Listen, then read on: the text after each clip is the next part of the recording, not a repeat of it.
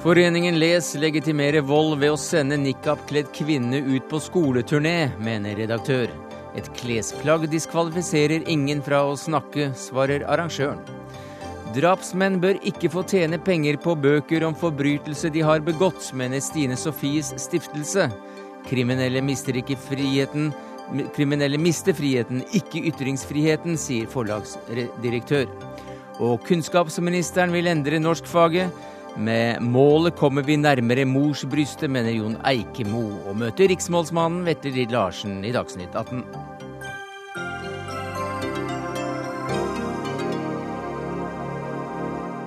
Ja, Det er noen av sakene våre denne tirsdagen, der vi også ser på hva slags kost som skal male Norge blått helt fram til 2030. Høyre har nemlig lagt fram sin langtidsstrategi. Men vi begynner med en litt spesiell skoleturné. For i disse dager så sender foreningen Les den nikab-kledde Aisha Shesadi som en av sine foredragsholdere på, ut på turné på videregående skole rundt om i landet. Med nikaben, som altså dekker hele hodet, bortsett fra en smal åpning for øynene, så forteller Shezadi hvordan det er å bære nikab, og hvordan det norske samfunnet reagerer på at hun gjør det slik hun selv skriver i antologien Utilslørt muslimske råtekster. Og professor i tekstvitenskap ved Universitetet i Oslo, Kjell Lars Berge. Du reagerer på at hun er inkludert i foredragene som tilbyr skoler. Hvorfor det? I utgangspunktet gjorde det ikke det, altså. fordi at uh, Hadde det bare vært en diskusjon om hvordan man var kledd og hvordan man bør være kledd, så syns jeg for så vidt ikke det er en, et stort og viktig demokratisk uh, utfordring. Mm. Problemet er hva hun har sagt seinere, altså særlig hennes uttalelser i forbindelse med disse demonstrasjonene som var i forrige uke, og dette litt famøse debattmøtet som var i Litteraturhuset, hvor altså en kvinne fra muslimsmiljøet for øvrig, som da ikke lenger oppfattet seg selv som muslim, etter hva jeg forstår, Eh, går ut og forteller om ganske triste opplevelser. Og hun eh, viste seg da å være ganske ekstrem i sin holdning, for å si det veldig mildt. Hun eh, har gitt uttrykk i avisen, i VG, i diverse medier, sosiale medier da riktignok, om at hun da støtter sharialover, hun er mot demokratiet, hun er for kjønnssegregering. Og da snakker vi altså om en kvinne som slutter seg til veldig spesielle politiske miljøer i Norge. Og jeg mener to ting der at den norske skole skal ikke invitere den type mennesker i klasserommene for å diskutere hyggelig rundt en kaffekopp, eh, rett og slett politisk ekstremisme. Det skal behandles på en helt annen måte med det verdigrunnlaget og det demokratiske fundamentet som skolen har.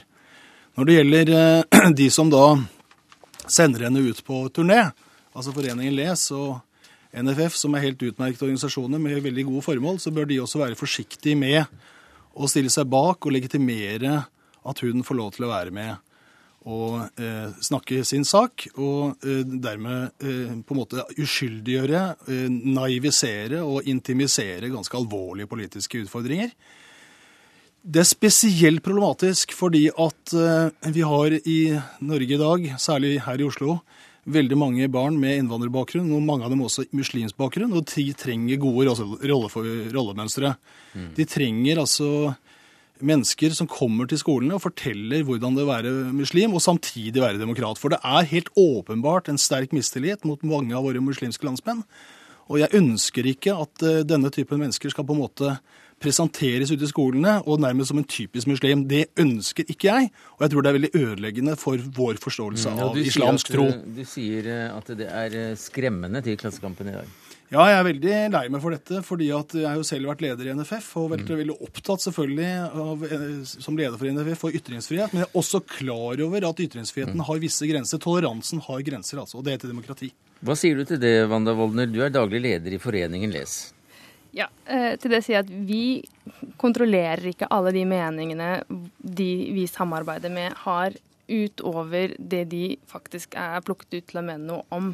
Eh, vi har tatt med henne i vår antologi fordi at hun tar et ganske modig valg. Hun velger å stå fram som en som velger å gå i nikab. Det er en ukjent stemme, og det legger til rette for en ganske interessant debatt, og en debatt som går i det offentlige. Så kan du si til dette med at hun øh, også har noen ekstreme meninger. Det er ikke det som skjer i klasserommet. Eh, Kjell Lars Berge startet med å si at han syntes det var greit at hun var ute i klasserommet. Så avslutter han med å si at han syns det er problematisk at hun går i nikab i klasserommet. Så jeg er litt usikker på her hvor eh, grensene hans går. Eh, jeg mener at det er utrolig viktig at også de som går i nikab, har lov til å ha en stemme. Hvis ikke så er det vi som står som det er altså koblingen mellom eh, selve klesdrakten og det politiske ekstremismen som er mitt poeng. Og i utgangspunktet, Jeg skal gi eh, i eh, Foreningen Les den gesten og, og innrømme det altså overfor dem at, at, i utgangspunktet så var jo dette tenkt som et veldig hyggelig og liksom dialogskapende prosjekt, hvor altså en kvinne som velger noe så ekstremt, da, det må jo si oss nesten være skrullete etter min mening, å gå rundt i et telt med en liten glipe. Eh, hun skal altså da ut i skolene, men hun har da ytret seg senere, etter at denne boka har kommet ut. Så har hun ytret så ekstreme meninger, og mm. dermed så mener jeg da at både NFF og Foreningen Les bør markere tydelig avstand og si at dette her er faktisk en grense. Og når du sier NFF hele tiden, som du også har vært leder for, så er det også Norsk faglitterær forfatter- og oversetterforening. Kultur- og debattredaktør i Bergens Tidende Hilde Sandvik. Til syvende og sist legitimerer foreningen Les Vold ved å sende ut uh, Shedasi, skriver du i avisen i dag. Hva mener du med det? Ehm, det er for så vidt blitt eh, sagt allerede eh, at de holdningene som Aisha Shehzadi står for, og som ikke altså Kler du deg i en nikab, så er det et veldig tydelig signal, og det er et veldig politisk, og ikke bare et religiøst, men et politisk signal. Eh, så den som ville vært interessert i å vite hva Aisha Shehzadi står for utover at du tar på seg dette klesplagget, har veldig lett tilgang på å finne ut av det. Med å gjøre det, med å ta på seg seg et, eh, med, med å ta på ikle seg nikab, så har hun òg på mange måter meldt seg ut av samfunnet. Og samtidig så krever hun altså en, eh, at, at, eh, at, det skal være en dialog. Nå viser det seg i, både i Klassekampene i dag Jeg har vært, jeg har vært i diskusjoner med Aisha Sadi tidligere, i fjor vår da denne boka kom ut. Så viser det seg at hun er egentlig ikke interessert i en samtale, hun er interessert i en enveis samtale, altså en, en monolog. Eh, hun sier òg til Klassekampen at hun syns det er herlig å være ute i skolene, der hun, kan, der hun møter Luther mm. øre. Men hun var selvfølgelig invitert hit, men uh, hadde ikke anledning til å komme, mm. eller hvordan eh, nå det var. Men du, tilbake til dette også, at foreningen Les med dette legitimerer mm. vold ved å sende henne ja, ut. Altså, Hva eh, mener du med det? Nei, altså... Um, hun har sagt Hun har, hun har forsvart Taliban, som hun kaller Guds løver. Uh, hun er en del av miljøet rundt islam.net, uh, som en uh, vet hva står for, og som bl.a. var òg dette miljøet som sjikanerte den tidligere muslimske kvinnen som ble blitt voldtatt. Hun nekter å, å, ta avstand fra ganske ekstreme ytringer fra muslimer, og mener at muslimer utad skal, skal snakke med én stemme. Eh, og i bunnen her så ligger det en ganske antidemokratisk sterk bevegelse. I den teksten som, som, som er, altså i denne boken 'Søstre', som har kommet ut nå nylig, så er hun et av intervjuobjektene. Mange muslimske kvinner og jenter som snakker der. Eh, og der er hun òg veldig tydelig på mm. den legitime og illegitime islam. Hva sier du til dette som da den som sender eh, denne nikab-kledde kvinnen ut på turné? Først kan jeg få lov til å klare opp i en feil. Det er ikke mm. vi som sender, det er skolene som kan bestille henne. Og skolen som selv kan ta et aktivt valg og, og be henne komme. Men det er dere som eh, foreslår henne, og det er dere som er med å finansiere det? Ja. Øh, og jeg må også si at her gjelder det å holde litt den prinsipielle tunga rett i munnen. Uh, det handler om når skal vi gå inn og trekke noen tilbake? Når skal vi nekte noen et opplegg som allerede er i gang? Vi forholder oss til det hun sier i klasserommet, og med utgangspunkt i den teksten. og Det er hennes mandat, og det holder hun seg strengt til. Og det vet vi at hun gjør i klasserommene. Det har vi hørt henne bekrefte gjentatte ganger i klasserommet. Men før, før, du sier mer, så kan vi høre henne selv i, i sitt første møte med elever ved en videregående skole. Hun presenterte seg slik. ونستعينه ونستغفره ونعوذ بالله من شرور أنفسنا ومن سيئات أعمالنا من يهده الله فلا مضل له ومن يضلل فلا هادي له رب اشرح لي صدري ويسر لي أمري واحلل عقدة من لساني يفقه قولي آمين أما بعد Jeg søker tilflukt hos Allah fra, den, fra Satan, den forbannede. Jeg begynner i Guds navn, den barmhjertige, den nåderike. All lovpris tilhører Allah. Eh, vi lovpriser ham. Vi søker hjelp hos ham, og vi ber om hans tilgivelse. Den som Allah veileder, kan ingen villede, og den som Allah villeder, kan ingen veilede. Og jeg bevitner at det er ikke noen annen gud enn Allah, og at Mohammed, profeten eh, sallallahu alaihi wasallam, er hans siste sendebud og tjener. Deretter Hei, eh, jeg heter Aisha. Jeg er muslim. Jeg er 20 år gammel. Og eh, som dere hørte Nils si, så er eh, dette den første skolen jeg er på. Eh, så jeg er egentlig like spent som dere. Er ikke dette fint, da? Altså, Elevene får kunnskap til både klesplagg, en uh, ung, sterk kvinne, hva hun legger i å bære det, og hennes måte å henvende seg til sin uh, egen gud på? Naivt sett så er det fint, men det er ingen grunn til å være naiv. Jeg skal knytte litt an til det som Hilde Sandvik tok opp her, sånn, med mangel på dialog. Altså det, det, er en stor diskusjon internasjonalt nå, og den er kommet definitivt til vårt land når det gjelder hvordan skal vi takle høyreekstremisme. Dette er høyreekstremisme. Og eh, disse miljøene, dessverre, så hører de ikke på argumentasjon. De er ikke villige til å gå inn i en argumentasjon. Eh, vi hadde besøk av eh, en av verdens absolutt fremste eksperter på høyreekstremisme her på universitetet for en uke siden. og Hun dokumenterte systematisk hvordan denne typen miljøer utnytter det tolerante samfunnet for å argumentere intolerant i forhold til det samfunnet. Og jeg, vi er nødt til, syns jeg, mm å gjøre noe med måten vi hanskes med denne type ekstremisme på. Det syns jeg er en oppgave for, for eh, Foreningen Les, som det er for meg som hvilket som helst engasjert demokratisk menneske. Ja, Omtrent to minutter etter det innslaget som var her, så sier hun nå kan dere få stille meg de spørsmål dere har om det å gå i nikab. Hun er svært åpen på det. Eh, så vil jeg også si at ja, demokratiet er naivt. Demokratiet er åpen nettopp for dette. Eh, og, og for disse andre stemmene. Og hvis vi skal ha et samfunn som er i stand til å debattere komplekse, vanskelige spørsmål, så må vi ta de debattene som faktisk finnes, istedenfor å bare velge å snakke med de som har meninger som vi liker. Det kom også opp at vi skal ta avstand fra ekstreme holdninger. Foreningen Les og NFF tar selvfølgelig mm. avstand fra ekstreme. Men, men vi hørte her da at Berge sier at ytringsfriheten har også grenser. Er de da nådd og passert, Silje Sandvik? Nei, altså jeg tenker at det, det, det, er ikke så rart at hun åpner opp for spørsmål for salen til henne. Det var det hun ønsket i, i første omgang òg. Men hva med ytringsfriheten her? Nei, altså ytrings, Hun har full ytringsfrihet. Hun kan snakke, hun kan bære nikaben. Det er ingen som forbyr henne å bære nikab. Hun har meldt seg ut av samfunnet. Det er veldig stor, stort, langt skritt derifra til at hun blir sponsa ut på turné ut for å snakke til skoler. Og det jeg tenker Når jeg hører henne, så tenker jeg at det hun holder der, det er ikke et debattinnlegg, det er et vitnesbyrd. Og da stiller jeg bare motspørsmålet. Ville en ha valgt den mest ekstreme jenten fra et eventuelt sørlandsk kristent miljø, eh, med, med de holdningene som fikk vist fram i går, til å reise rundt på turné for å holde vitnesbyrd for, for videregående skoler? Det, det får du svar på nå, har lest her i studio i Oslo. Eh, det er et svært eh, hypotetisk spørsmål. Eh, men jeg har tenkt mye på det. Ja, vi vil også gitt rom for svært ekstremt religiøse holdninger. Det som har vært utgangspunkt for at vi valgte Aishas tekst, var at det var en ikke-misjonerende tekst, og at hun utelukkende velger å snakke om seg selv og sitt valg. Er det en ikke-misjonerende tekst? Altså, I den teksten så skriver hun bl.a. at hver gang hun går ut og møter samfunnet, så tenker hun først og fremst på Gud. Eh, og for min del så tenker jeg OK, et menneske som først og fremst tenker på Gud, er ikke særlig opptatt av meg i møte, men opptatt av nettopp den muligheten for å misjonere.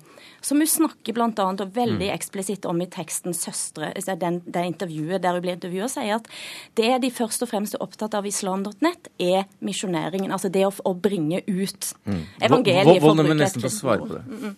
Ja, øh, jeg oppfatter den teksten som først og fremst et forsvar for sin egen rett til å gå i nikab og en begrunnelse for det. Den begrunnelsen er selvfølgelig religiøs. Men du var innom det at eh, når skal man trekke slike eh, prosjekter tilbake fordi at man har eh, hørt noen uttalelser som ikke passer helt med, med, med, det som var begrunnelsen for oss å sende de ut i begynnelsen. Det er altså en, en løpende debatt om dette også i Foreningen Les. Ja, altså vi, vi, følger jo med her. Og vi hadde også en utgangspunkt, en diskusjon. Skulle vi ha teksten med? Eh, det landet vi på at vi syntes var et godt valg. Da syntes vi det var rart å lage en egen unntaksbestemmelse for Aisha. Eh, bare fordi at hun går i nikab.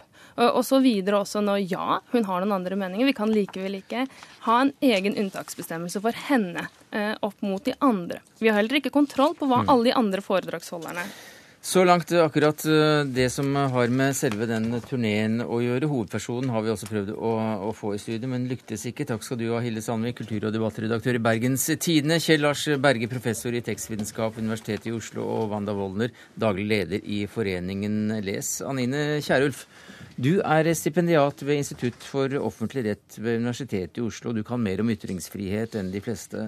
Eh, Sandvik eh, mener og skriver altså på bloggen sin at foreningen Les legitimerer vold ved å sende Aisha eh, Shezadi på skoleturné. Og er vi da i konflikt med det som kan være ytringsfrihet her i landet? Ja, nå er det, det er ofte to debatter som foregår litt parallelt. Det ene er eh, debatten om eh, hvor de rettslige grensene for ytringsfriheten går. Og det andre er hvordan vi skal bruke den ytringsfriheten som finnes innenfor de grensene. Jeg opplever at dette er en diskusjon om det siste. Eh, som i liten grad berører de rettslige grensene for ytringsfrihet. Men ytringsfriheten har en grense, sier professor Berge her. Ja da, og det, det, er slik. Ytringsfriheten er en grunnlovsfestet menneskerettighet. Men i vårt samfunn er det flere verdier som av og til kan trås for nære ved bruk av ytringsfriheten. Så vi har eh, noen grenser for den. Eh, noen av dem er, kan være kontroversielle, sånn som forbud mot hate speech eller hatefulle ytringer. Det er vanskelig å trekke grensen mot ærekrenkelser i privatlivets fred. Noen er mindre kontroversielle, sånn som grensene mot, eller, forbud mot trusler og oppfordring til vold. Eh, både trusler og oppfordring til vold er, er, lite kontroversielle begrensninger i ytringsfriheten. Man skjønner, Mange, mange vil være enig i at det er en type, eh, type, regulering man har i et samfunn. Men vi er enige om at så langt så faller ikke dette verken inn under straffeloven eller andre reguleringer i det norske lovverket, det som kvinnen i, i nikab eh, gjør ute på skolene. Men vi har ikke bedt deg, for å komme, bedt deg komme hit for å, akkurat å dissekere eh, den saken der, men for å rydde litt opp, gå opp noen grenseganger her etter, den, etter det som kalles eh, trusselvideoen og den omstridte demonstrasjonen foran Stortinget på fredag. La oss ta denne videoen først, som politiet vurderer. Er, er det greit forresten å kalle det for en trusselvideo som sådan? Jeg har sett at noen har reagert på det, og man skal ikke undervurdere ords betydning. Ehm, selv har jeg ikke reagert så sterkt på det. Det må være rom for å bruke trusselbegrepet på en annen måte enn det jurister gjør, selv om vi jurister gjerne liker å tenke at vi eier en del ord og uttrykk. Eh, opplever man det som en trussel, så kan man eh, omtale det som en trussel. Eh, men det vil være et annet spørsmål om dette er en trussel i strafferettslig forstand. Det, hva skal til, da? Nei, det er, jeg, jeg har ikke sett videoen og, og, kan ikke vurdere den konkret. Og, og, og vil heller ikke ta stilling til disse uttalelsene utenfor Stortinget. Men jeg kan si litt generelt om hva som mm. skal til for en trussel. Det er altså at det må være en, det må være en viss, viss konkret rettet trussel. Ikke enhver ubehagelig eller eh, for så vidt opplevd truende ytring vil, vil kvalifisere som en trussel. Eh, man skal være ganske forsiktig med å innfortolke trusler der hvor eh, slike ikke er klart uttrykt. Eh, for hvis disse inngrepshjemlene i ytringsfriheten blir for vide og uklare, så vil det lett føre til at folk begrenser seg også med hensyn til hva, hva som egentlig er legitime og kanskje samfunnsønskelige meningsytringer, fordi man er redd for at også de faller inn under en sånn trusselbestemmelse. Men tilbake da til denne omstridte demonstrasjonen foran Stortinget på fredag da, da Bhatti også sa at Norge må trekke seg ut av Afghanistan, og sitat Hvis ikke må det norske folk være klar over at deres sikkerhet fortsatt vil være truet. Hvis sikkerhet er kjært for dere, bør dere komme med et opprop om å trekke soldatene ut. Og dette eh, opprørte jo norske politikere, som var mindre enn et steinkast unna for så vidt, og ikke minst justispolitiker Jan Bøhler fra Arbeiderpartiet, som sa at Battis appell gikk over streken og sa at påtalemyndighetene og politiet burde se nærmere på dette. Ja, og det var jo et slags eh, hva skal vi si, deus ex machina at eh, vi fikk en eh, nesten parallell ytring fra et kristent miljø eh, like etterpå, eh, hvor, eh, hvor, det var en person som, som, ga, som mente at 22.7. var en slags straff fra Gud, og også at Arbeiderpartiets politikk bidro til en viss trussel mot rikets sikkerhet. Eh, sånn at denne type eh, advarsler, som man vil kalle det, eller eh, som også kan oppleves som trusler, de kan komme fra, fra, fra mange sider. Eh, og det er ikke sikkert at vi skal være så raske til å, å henføre dem alle under en straffebestemmelse om trusler. Dette er meningsytringer som eh, gjerne kan eh, imøtegås i det offentlige rom. Kanskje er det slik, også med et visst empirisk belegg, at man er mer redd for de som påberoper seg Allah enn de som påberoper seg Gud. Men det blir en, en relativt Eh, håpløs debatt å ta om, om, eh, om denne type eh, guddommelige eller overnaturlige størrelser skal kunne kvalifisere som trusler. Det er, tror jeg har vært eh, diskutert i juridisk teori om, om, det å forbanne noen med, med trolldomskunst eh, kan kvalifisere som trusler. og der, der har vel eh, Jo Sandnes sagt at det er jo vanskelig å, å, å, avgjøre selvfølgelig om den type hva skal vi si, divine intervention er rettstridig eller ikke. Hvordan vurderer man eh, disse størrelsene som, eh, som ikke hører til den verden vi ellers befatter oss med når vi rasjonaliserer og diskuterer på et saklig nivå. Takk skal du ha, Anne Kierulf, stipendiat ved Institutt for offentlig rett ved Universitetet i Oslo.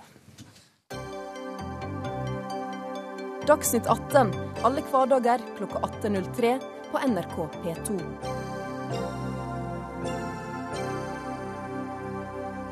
Ja, Om rundt 600 eh, dager og to timer så stenger valglokalene i kongeriket, og i dag la partiet Høyre fram sin eh, partistrategi, som eh, ikke bare skal gjøre landet blått ved stortingsvalget i 2013, men vil også da være en slags referanse eller hånd å holde i for partiet helt fram til 2030. Og det var du som la fram strategien i dag, nestleder i Høyre Bent Høie, der det er tre hovedutfordringer for Norge de neste 17 årene. Det har de som et grunnlag her. Hvilke tre er det dere sikter til? Vi sikter da til, til, bærekraft, som handler om både bærekraften for den eh, nordiske modellen i Norge og bærekraft ut fra et klimaperspektiv. Så er det konkurransekraft, som rett og slett eh, handler om hva vi skal leve av her i landet. Som eh, konkret handler da om skolen vår og om næringslivet vårt. Og det siste handler om livskraften, som både tar opp i seg en diskusjon om de fellesskapene som Norge består av, eh, og som er viktige. Men òg verdidiskusjonen som egentlig den eh, forrige diskusjonen her i programmet var en del av, nemlig hvordan vi i Norge skal leve sammen eh, med i en situasjon der det er ganske utfordrende spørsmål knytta til verdi og religiøse mm. spørsmål. Og For hvert av disse tre så er det da uh, to temaer. Det, hele er bygd opp uh, svært pedagogisk. Hvordan skal dette være en veileder inn i, i, flere nye tiår? Vi ønsker med dette å invitere både partiet, men òg folk utenfor partiet til å være med i en helt åpen diskusjon om de store utfordringene som Norge står forbi og som skal ende på vårt landsmøte i mai, der vi forhåpentligvis vedtar da noen sentrale mål på disse områdene for Norge mot 2030. Sånn at når vi vet hvor vi ønsker å være hen i 2030, så kan vi begynne å diskutere hvilke konkrete eh, endringer vi ønsker å mm. gjøre i den eh, neste fireårsperioden i Stortinget, der forhåpentligvis Høyre sitter i regjering. Raymond Johansen, partisekretær i Arbeiderpartiet. Hva slags Høyre ser du da rundt eh, svingen, ut ifra det du hører og kan lese i det nye strategidokumentet? Ja, først så vil jeg gi komplimenter til Høyre. Det er bra at de lager et uh, debattopplegg. Det er bra og viktig for demokratiet å trekke både med medlemmer og folk fra frivillige organisasjoner. Og Arbeiderpartiet har veldig god erfaring med det. Vi starta vår herfra til 2029-diskusjon i uh, eh, 2009. Og uh, det er for å forsøke å lage en politikk for framtida. Og mm. jeg mener da at velgerne får en veldig klar, klart valg og det er det jeg håper kommer ut av uh, også Høyre sin prosess, at de er klare på hvilken politikk de vil føre. Men ser du her klart et skille mellom Høyre og Arbeiderpartiet i det som er lagt fram så langt? Ja, Det er klart det er et uh, skille mellom uh, Høyre og Arbeiderpartiet her. Altså, nå får vi se hva som skjer med dette. Det er ikke mm. noe veldig ny politikk fra Høyre. Det er fortsatt at lavere skatt er nøkkelen til fortsatt vekst. Og vektlegging av eh, områder som eh, arbeid, det er velkjent, ikke minst for Arbeiderpartiet. Og konkurranse for å skaffe folk arbeid er velkjent. Så vi ser detaljene, og eh, så er det jo spennende, da. Høyre er jo helt avhengig også av å styre sammen med noen, og også styre sammen med Fremskrittspartiet. Så får vi se hva de kommer fram til. Men det var da noen som leser ut av dette allerede at eh, Høyre skuler mot Sverige Moderaternas enorme suksess med å, å, å gjøre det Høyrepartiet om til et slags arbeiderparti. Hva sier du til det? Nei, altså Høyre er Høyre, og vi har tenkt å snakke om Høyres politikk. Og så ser jeg òg at eh, Arbeiderpartiet har tenkt å snakke om Høyres politikk, og det er i så fall veldig bra.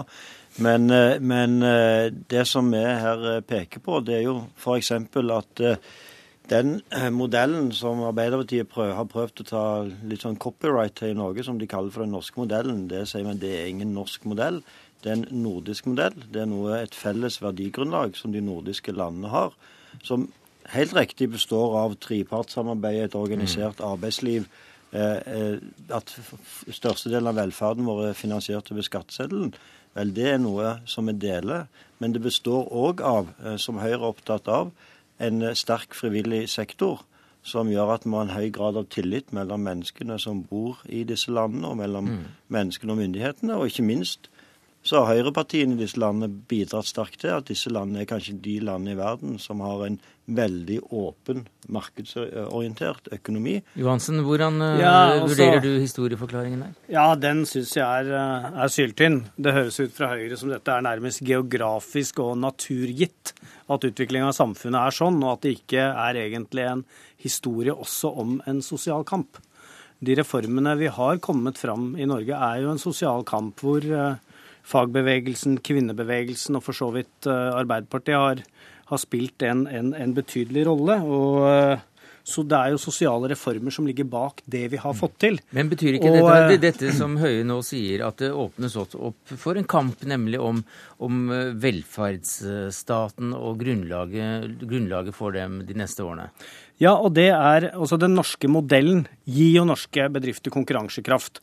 Og i dag så prøver jo Høyre, og det er kanskje det merkeligste gjennom dagen, at de prøver å snakke ned Norge. At de svartmaler situasjonen i Norge. Og det i et land som i siste kvartal i 2011 hadde 2,6 millioner mennesker i arbeid. Aldri før i historien har så mange vært i jobb i Norge. Og jeg er veldig tydelig på at den uh, norske modellen har tre bærebjelker. Og det, er jo, det første er jo et bredt skattegrunnlag. Det er jo at vi har flest mulig i arbeid. Og uh, at de da er et nivå som kan betale de tjenestene vi har. Det andre er at vi har en sterk offentlig sektor. Og det tredje er jo at vi har trepartssamarbeidet mm. mellom fagbevegelsen, arbeidsgivere og staten. Og den innflytelsen arbeidstakerne har overfor sin arbeidsdag, er ikke minst noe som blir trukket fram internasjonalt som en av suksessene her i Norge. Høie, er det, er det kampen om, eh, om, å redde velferdsstaten og de ulike metodene for å få til det som, eh, som, blir eh, det viktigste nå i årene som kommer for, for Høyre og Arbeiderpartiet i de kampene vi kan se der? Ja, jeg tror dette blir helt sentralt. fordi vi er veldig tydelige på at vi har som ambisjon at Høyre skal ha den politikken som best sikrer bærekraften til den nordiske modellen i, i Norge. Og nå, jeg må bare avbryte deg litt. for ja. Når jeg sa dette med å skule til, til Moderaterne, så er ikke det helt uten grunn. Når vi får inn et par kommentatorer som kan snakke mer om det på en annen måte enn dere som er aktører her, gjør. Men i et notat, no, internt notat som TV 2 publiserte i forrige uke fra Arbeiderpartiet, så har altså Arbeiderpartiet kartlagt at ca. 330 000 velgere er potensielt på flyt mellom Arbeiderpartiet og Høyre. Og det er vel der vi nå vil kunne se at eh, kampen eh, står også med, med, da, med, med å, å, se på den langtidsstrategien som Høyre har lagt fram i dag? Ja, Nå er det jo ingen strategi Høyre har lagt fram i dag. Det er et debattopplegg for politikk. Ja. Og når vi lager politikk, så er vi først og fremst opptatt av faktisk å lage politikk som er bra for Norge. Og det tror jeg òg er tilfellet i andre partiene. Med folk som engasjerer seg politisk, gjør det fordi de ønsker å skape et bedre samfunn. Og da sier vi at f.eks. tilliten til den norske og nordiske modellen er avhengig av at velferden fungerer. Og når befolkningen i Norge i 2010 en økning på 23% i mennesker som følte et behov for å tegne private helseforsikringer, fordi de ikke lenger stoler på at det offentlige helsevesenet er til stede når de blir syke. Det undergraver tilliten til modellen, men det undergraver òg det som Raymond Hansen var inne på, nemlig folks vilje til å betale skatt. vi vi lot Bent Høie få siste ordet. Vi, eh, Raymond Hansen, det er de som har lagt fram sin langtidsstrategi. Men takk for at du kom, partisekretær i Arbeiderpartiet, også Bent Høie, nestleder i Høyre. For eh, de som eh, vi snakket om, som skal eh, kommentere hva, hvordan disse skutene skjærer i hverandres farvann, så å si, og, og, kommer til å knive om å komme først. Kjetil Alstaheim, du er kommentator i Dagens Næringsliv, og du var på pressekonferansen til, til Høyre i dag. Hva tenker du om det som ble lagt fram der? Det er jo ganske løst i kanten foreløpig. Det, er jo sånn de, det er jo flere spørsmål enn en skarpe utspill. Så det, jeg har vel inntrykk av at dette handler, også når du ser på den programprosessen som Arbeiderpartiet har satt i gang, at begge partier er interessert i å aktivisere de De har jo fått ganske mange nye medlemmer, og begge partier er interessert i å, å gi disse medlemmene en mulighet til å diskutere politikk før man går videre. Men din overskrift, hva var den? Trygg 2013? Ja, når du hører den økonomiske diskusjonen, altså diskusjonen om økonomisk politikk, så tror jeg eh, vi hører noe som kommer til å bli veldig viktig fram mot valget neste år, nemlig eh, hvilket parti er det som kan gi folk trygghet om eh, arbeid og økonomi, renter og den slags. Det er den, den kollisjonen vi har hatt mellom Jens Stoltenberg og Erna Solberg nå de siste par dagene der Erna Solberg prøver å fortelle at det er flere enn Jens Stoltenberg som kan styre landet eh, trygt. Magnus Takvam, politisk kommentar i NRK. Vi eh, snakket også så vidt dere var inne på her, eh, at man skuler litt til Sverige og til Moderaternes kjempesuksess med å gjøre sitt parti til et til stort allment folkeparti, eller arbeiderparti. Er det noe i konturene av det vi ser som blir lagt fram i dag, som kan peke den retningen også når det gjelder Høyre? Ja, altså Alliansen til Reinfeldt vant jo i 2006, og Høyre har lenge pekt på Sverige som et uh, ideal på en måte for hvor, hvordan den borgerlige, uh, borgerlige koalisjonen skulle opptre. Uh, det er likheter, og det er forskjeller. I Sverige har de ikke hatt et skal vi si, brysomt fremskrittsparti å, å tenke på, slik at man vant først valget som en flertallsallianse i sin tid. Og nå, etter det siste valget, så må de riktignok Så har de ikke flertall fordi eh, det ytterliggående Sverigedemokraterna eh, kom inn og, og forstyrret bildet, slik at man må alliere seg med andre. Men åpenbart er Sverige eh, en modell for Erna Solberg. Legge politikken inn mot sentrum, og ikke framstå som et nyliberalt parti som roper på mer skattelette. Og det er altså da ifølge Arbeiderpartiets eget strateginotat 330 000 velgere man kan, kan kjempe om, og det vil vel avgjøre etter valg? Det er opplagt uh, veldig viktig. og Vi hørte jo på den runden som var her i stad, at uh, Arbeiderpartiet vil gjerne diskutere med et litt annet Høyre uh, enn det de opplever. De vil diskutere med Høyre sånn som det var da Erna Solberg snakket om at hun vil ha mer igjen for pengene. De vil ikke snakke med det det Høyre som nå snakker om eh, kvaliteten i omsorgen og sånt. Det blir to veldig ulike motparter, og det er mye vanskeligere for Arbeiderpartiet å møte det, det Høyre de ser nå.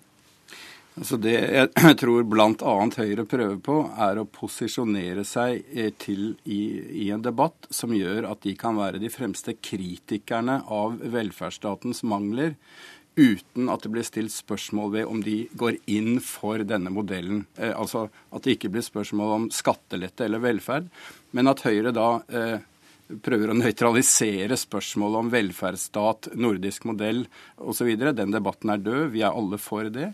Og så kommer da Høyre med sine løsninger på de ulike områdene som folk er opptatt av. Både helsevesen, skole, forskning osv. Så, videre. så jeg tror det er noe av måten vi må mm. lese dette på. Nei, for Astaheim, Asheim, eh, jeg ser du skriver i Dagens Næringsliv i dag at Erna Solberg er en idiot om hun lytter til Stoltenbergs råd om å ta det med ro når hun snakker om økonomi. Ja, hun er jo nødt til å, å, overbevise velgerne om at eh, hun kan styre økonomien og landet like trygt som det Stoltenberg eh, har, har, gjort. Fordi vi så i valget i 2009 at eh, de rød-grønnes håndtering av finanskrisen var veldig viktig for, for, den, for at de beholdt makten. Det har valgforskernes gjennomgang vist.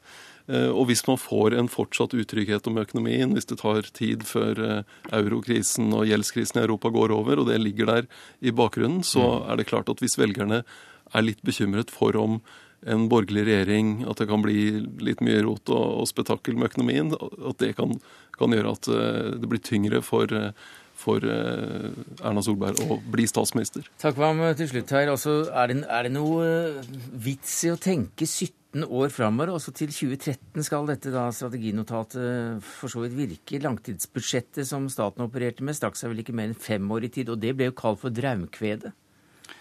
Ja, eh, det er klart partier som, eh, som er, eh, hevder å være skal vi si, fundamentert på et helhetlig samfunnssyn, bør jo holde seg med skal vi si, politikk som bærer mer enn ett, ett år av gangen. Men det er klart at jeg tror det, det, letteste er tross alt å finne seg et primærstandpunkt i politikken. Altså å flagge sine første valg.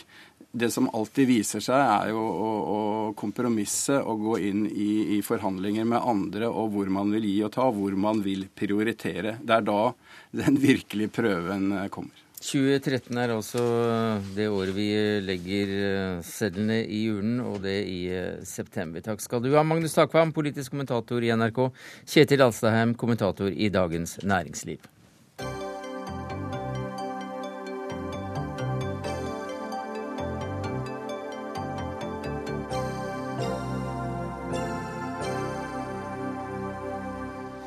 Volds- og drapsmenn bør ikke kunne tjene penger på bøker om egne forbrytelser. Det mener Stine Sofies stiftelse, som har bedt Justisdepartementet om å endre lovgivningen knyttet til slike bokutgivelser.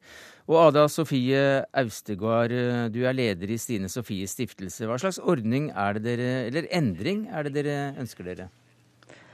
Vi ønsker en lovgivning der vi kan hindre kriminelle og tjene penger på sin kriminelle handling. Ja, Hvordan da?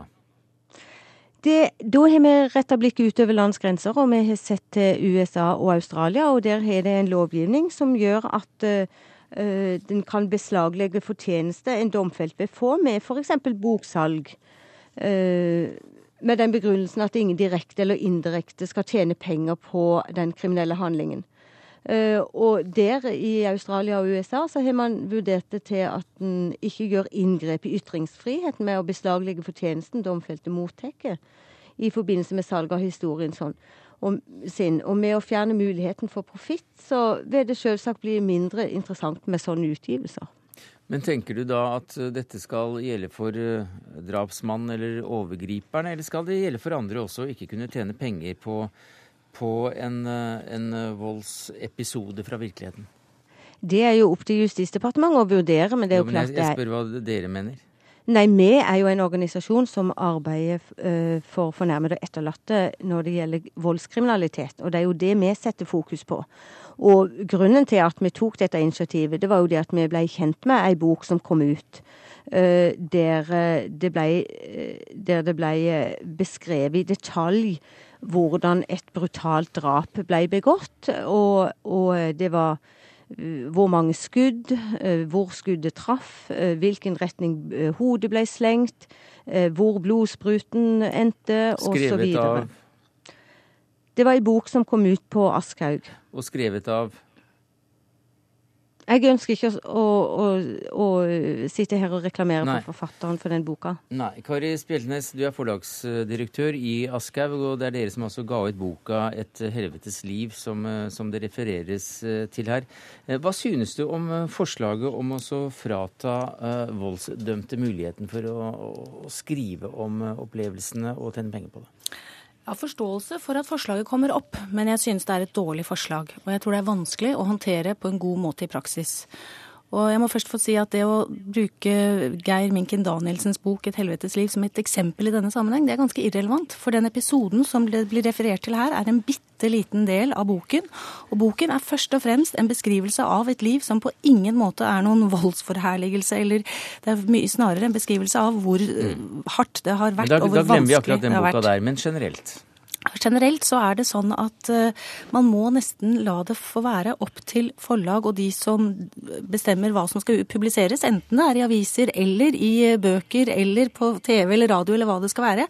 For det å lage en slik lov som det refereres til her, det tror jeg er veldig vanskelig å håndheve i praksis. Og vi må huske at det kan jo også hende at noen som er domfelte og soner, det kan være det at hvis de får skrive sin historie, så kan det f.eks. få fram det at det er uskyldig dømte som sitter inne. Men her, her, er, det, ja, da... her er, det, jo veldig forklaringer som går på om det, om det, om det går an å håndheve etc. Men prinsippene, da? At man skal, ikke skal kunne tjene penger på noe forferdelig galt som man har gjort?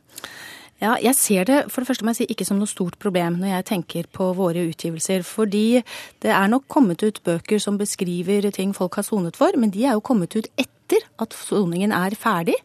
Eh, det gjelder jo for øvrig også i dette tilfellet. Og det kan vel ikke være sånn at en eh, person som har sonet ferdig for livstid, ikke skal få mm. lov å ytre seg. Hva sier du til det, Øvstegard? Ja, For det første så må jeg jo bare si at vedkommende har ikke sona ferdig. Han ble idømt ni år i 2006 og er ute på prøveløslatelse, mm. så det er ikke riktig. Når den da argumenterer med at hva med de uskyldig dømte, så syns jeg nesten at det blir litt tragikomisk. For det sier seg sjøl at en som hevder at han er uskyldig dømt, vil jo ikke kunne beskrive sin kriminelle handling, så han må gjerne få lov til å skrive bok. Ja, når det gjelder denne, nei, nå skal jeg snakke ferdig. Når det gjelder denne boka her, så det som er det, det store paradokset, den boka som dere har gitt ut, det er at vedkommende som ble tatt livet av, han ytra seg ovenfor drapspersonen her. Og pga. drapspersonen følte at dette var sårende, det vedkommende sa, så skjøt han, øh, øh, han vedkommende med kaldt blod. Pga. at en person ytra seg, så ble han skutt. Og så skal da den gjerningspersonen ha ytringsfrihet. Eh, jeg syns ikke det er riktig å gå inn og kommentere denne boken i detalj, utover det at denne episoden er en veldig liten del av boken, og, og boken har vært vurdert veldig nøye for heller, eh, utgivelse. Forfatteren er ikke her heller, så vi lar den ligge. Men altså, vi kan jo tenke oss andre eksempler. Ja. Vi ser jo rundt andre deler av verden. Denne boka 'Shantaram' skrevet av kjeltringen Roberts, oversatt til 20 språk. Filmen har Johnny Depp i hovedrollen australsk uh, raner, suksessforfatter, har tjent mer penger i året på denne boka enn vi samlet uh, her gjør i løpet av et langt liv?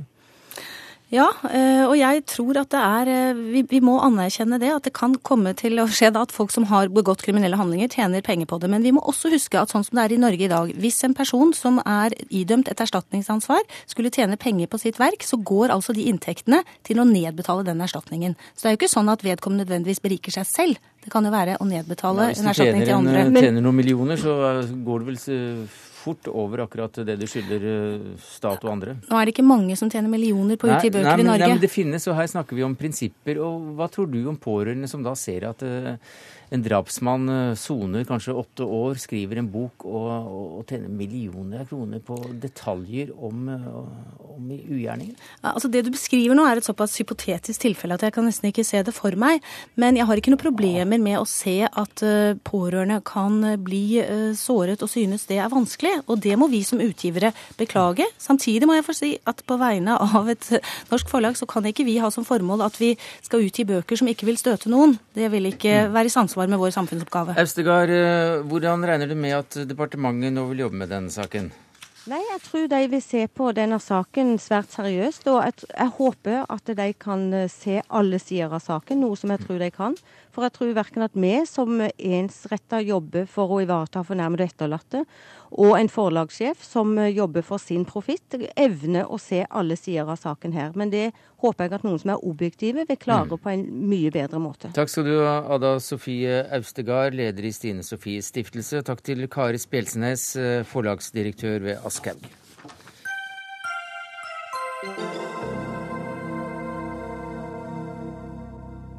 Så til en eh, gammel norsk klassiker, nemlig språkdebatten. Fra høsten 2013 vil eh, norskundervisningen se litt annerledes ut, antakelig. Utdanningsdirektoratet arbeider nemlig med et forslag til ny læreplan, hvor det ligger an til at sidemålsundervisningen skal tones ned ved bl.a. at eh, kompetansemålene ikke skal være like.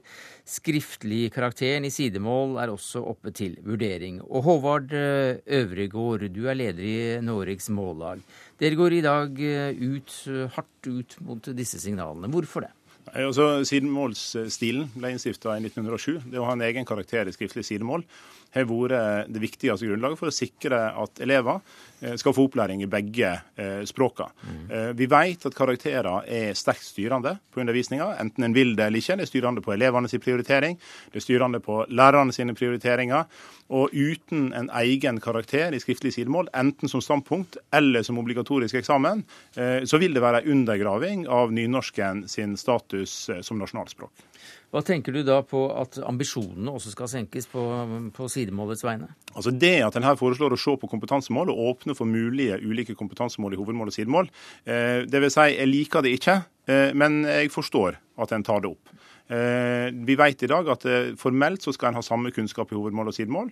I praksis, for de som har bokmål som hovedmål, så er det lavere krav til kompetanse i sidemål enn hva det er i hovedmål. Og Det at eh, departementet og direktoratet vil gå inn og se på det, eh, det er vi åpne for. Målet må jo være at ut, resultatet blir at en har eh, høyere prioritering og bedre undervisning i sidemål. Mm. Kunnskapsminister Kristin Halvorsen, vi vet jo at det er langt uh, fram før uh, eventuelle forslag her blir tatt inn i læreplanen. Men hva sier du til ankepunktene mot de tankene som er kommet ut gjennom visse signaler her nå? Ja, først har jeg lyst til å si at Dette er altså et brev fra Utdanningsdirektoratet til meg. Eh, og Jeg har ikke tatt stilling til det de foreslår, og regjeringa har ikke tatt stilling til det. Og det er ca. et år til eh, vi skal fastsette en ny læreplan i norsk. Det er helt nødvendig med en ny læreplan i norsk, for det faget er altfor omfattende. Vi har omtrent slitt ut alle norsklærerne vi har, så vi må konsentrere mer. Og Det er i den forbindelsen disse forslagene kommer opp. Jeg er glad for at Mållaget gir de signalene de gjør når det gjelder kompetansemålene. fordi jeg tror det er en overraskelse for mange at uh, man, for, man, formelt sett forventer at man skal være like god i hodemål som i sidemål. Uh, men den diskusjonen kan vi også ta når vi får dette forslaget. og Så kan vi se på om det er godt, eller om vi skal beholde det vi skal ha i dag. Så foreslår Utdanningsdirektoratet ikke at man skal fjerne sidemål eller skriftlig sidemål. De foreslår at man skal ha én karakter. Dvs. Si at den norskkarakteren du får i skriftlig, den skal både inneholde det du har i hovedmål og i sidemål. Og så foreslår de noen endringer i eksamen på ungdomstrinnene. Jeg mener at den debatten som eh, kommer i kjølvannet av dette, er helt nødvendig å ta. Men jeg skulle ønske at vi brukte tida fram til da til en annen diskusjon som faktisk haster enda mer. Og det er at nynorsk som hovedmål er på veldig vikende front. Det er Eh, i overkant av 13% av alle barn i grunnskolen, altså barneskolen og ungdomsskolen, som har nynorsk som hovedmål. Men når de går over til videregående skole, så mister vi halvparten av dem. Mm. Men, men, det, men, det, er ikke akkurat den debatten du er invitert til å ta i dag? Jo, men den tror jeg du må bare ta. for den, den har jeg på hjertet. Nei, jo, for den henger sammen med dette. Jo, men, men nå snakker vi også om, eh, om, både det å senke kompetansemålene og eventuelt eh, la eh, nynorsken eller sidemålet ikke få sin egen skriftlige karakter. Altså til, til, det siste som, som, statsråden tar opp, så er jeg enig med statsråden er at det er viktig å ta opp. Men jeg mm. mener at det henger helt klart sammen med statusen til sidemålet. Eh, vi vet at vi har et stort strategisk målbytte fra grunnskole til videregående, eh, der elever bytter hovedmål formelt, selv om de fortsetter å, å bruke og skrive nynorsk. Og Det som er en av de viktigste grunnene ved målbytte, det er elever som har nynorsk som hovedmål, og som opplever at det er bare bokmål som er verdt noe i samfunnet, de bytter hovedmål. Og Hvis ikke det er et krav til alle at en skal kunne eh, både nynorsk og bokmål, så vil det føre til et større målbytte. Og jeg tror helt oppriktig at sånn, Hvis en tar bort egen karakter i skriftlig sidemål, så vil det i seg sjøl føre til mer målbytte enn hva departementet klarer å, å, å gjøre andre veien med hva som helst slags tiltak men, en tar. Men det som må være utgangspunktet i denne diskusjonen, det er at det egentlig står ganske kritisk til med nynorsk. Både når det gjelder hovedmål og når det gjelder sidemål det står kritisk til, fordi det er så mange som velger det bort. Og jeg er enig i at jeg har noe med holdninger til nynorsk og kunnskap til, nynorsk generelt sett. Men jeg mener at vi må starte allerede nå og se på lærernes kompetanse, og se på hva slags læremidler vi har på nett eh, i nynorsk. Et forslag som jeg mener kan eh, diskuteres, det er om man skal få et ekstra poeng ved opptak på høyere utdanning hvis man har nynorsk som hovedmål, for å se om det finnes noen gulrøtter vi kan Mm. bruke her også. Men, men, hva, Og men, hva det forhold men, det, et øyeblikk, men siden vi diskuterer da dette brevet som er stilt til deg, men som eh, vi alle da har eh, lest deler av, og som da foreslår eller lufter ideen om at, at nynorsk skriftlig ikke skal ha en egen karakter. Og så hører vi da Mållaget si at det er ikke noen, det er ikke noen god idé, for da, da frykter man for den skriftlige nynorskens framtid. Ja, Har du, har du tatt stilling til det? Nei, det har jeg ikke tatt stilling til. Og jeg mener at denne diskusjonen må vi bare ta, fordi det som er en utfordring Ja, Det er den vi prøvde å ta nå, da, men Jo, det var men- ikke så lett. Nei, men du kan ikke forlange at jeg skal, skal konkludere et sånt spørsmål et år før prosessen har gått. Vi må ha en prosess på dette. Det som er en utfordring for norskfaget, det er at vi har tre standpunktkarakterer i norskfaget. Og det betyr Det at lær, lærerne bruker veldig mye tid, tid på å øh, vurdere. Men kan jeg bare si en ting om nynorsk som sidemål? Fordi det er i krise på den måten at når jeg snakker med f.eks. elever på ungdomsskolen, så sier de at de har fått én begrunnelse for det.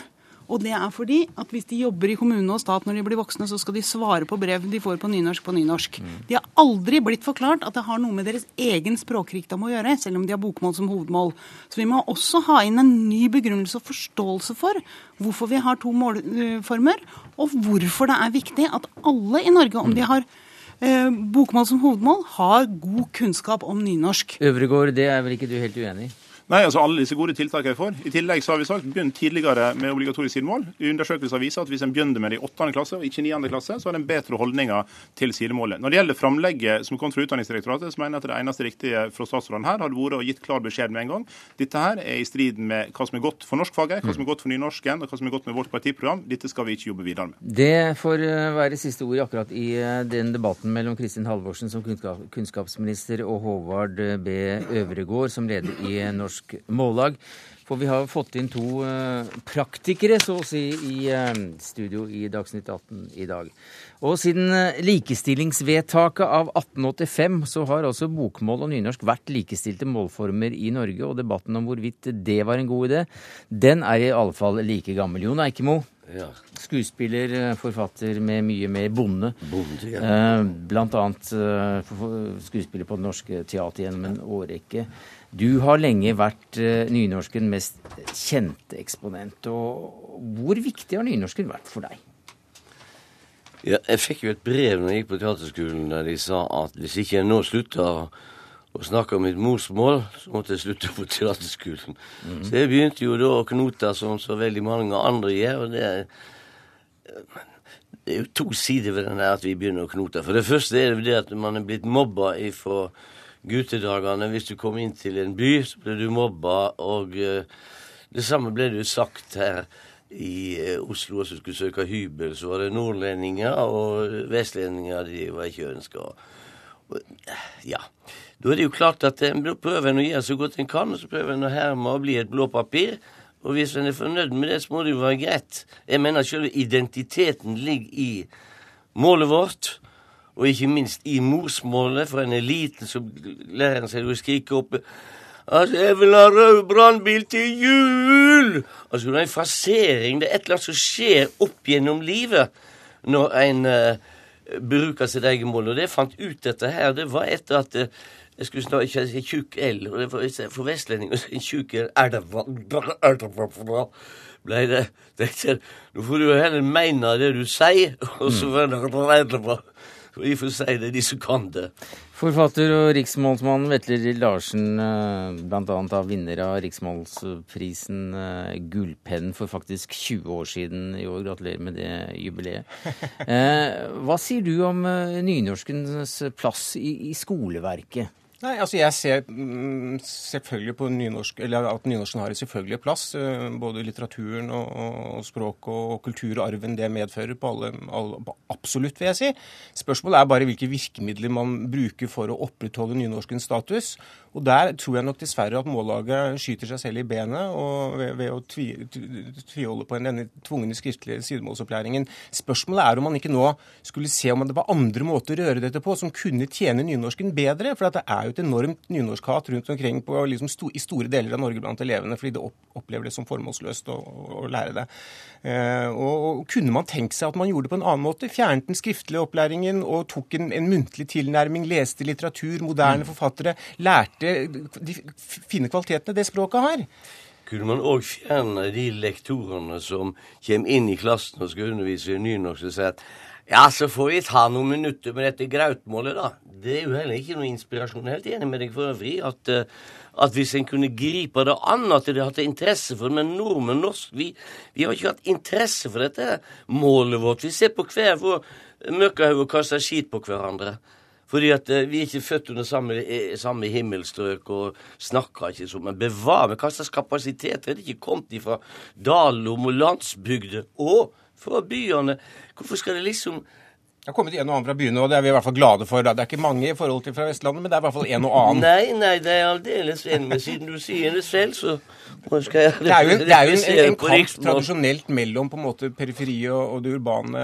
ikke sant? Og det har jo også snudd rundt i Norge de, de siste tiårene med et veldig hat mot på en måte periferien. Da. Det er også en, en slags nynorskhat som er veldig negativt. og Det må man på en måte kunne ta inn over seg og, og se kreativt på det. Eh, og det, det, kan jo også du bidra til, som er en sånn fremragende bruker av det Eh, flotte språket? Ja, disse eldre frøkene på Frogner de har kommet bort og sagt Eikebo, kan de ikke være så vennlige å snakke slik som deres mor gjorde? Det er så vakkert å høre på. Jeg tror alle, alle på Frogner elsker å høre sånne artige, artige eh, eksotiske ord, og det er jeg helt overbevist om.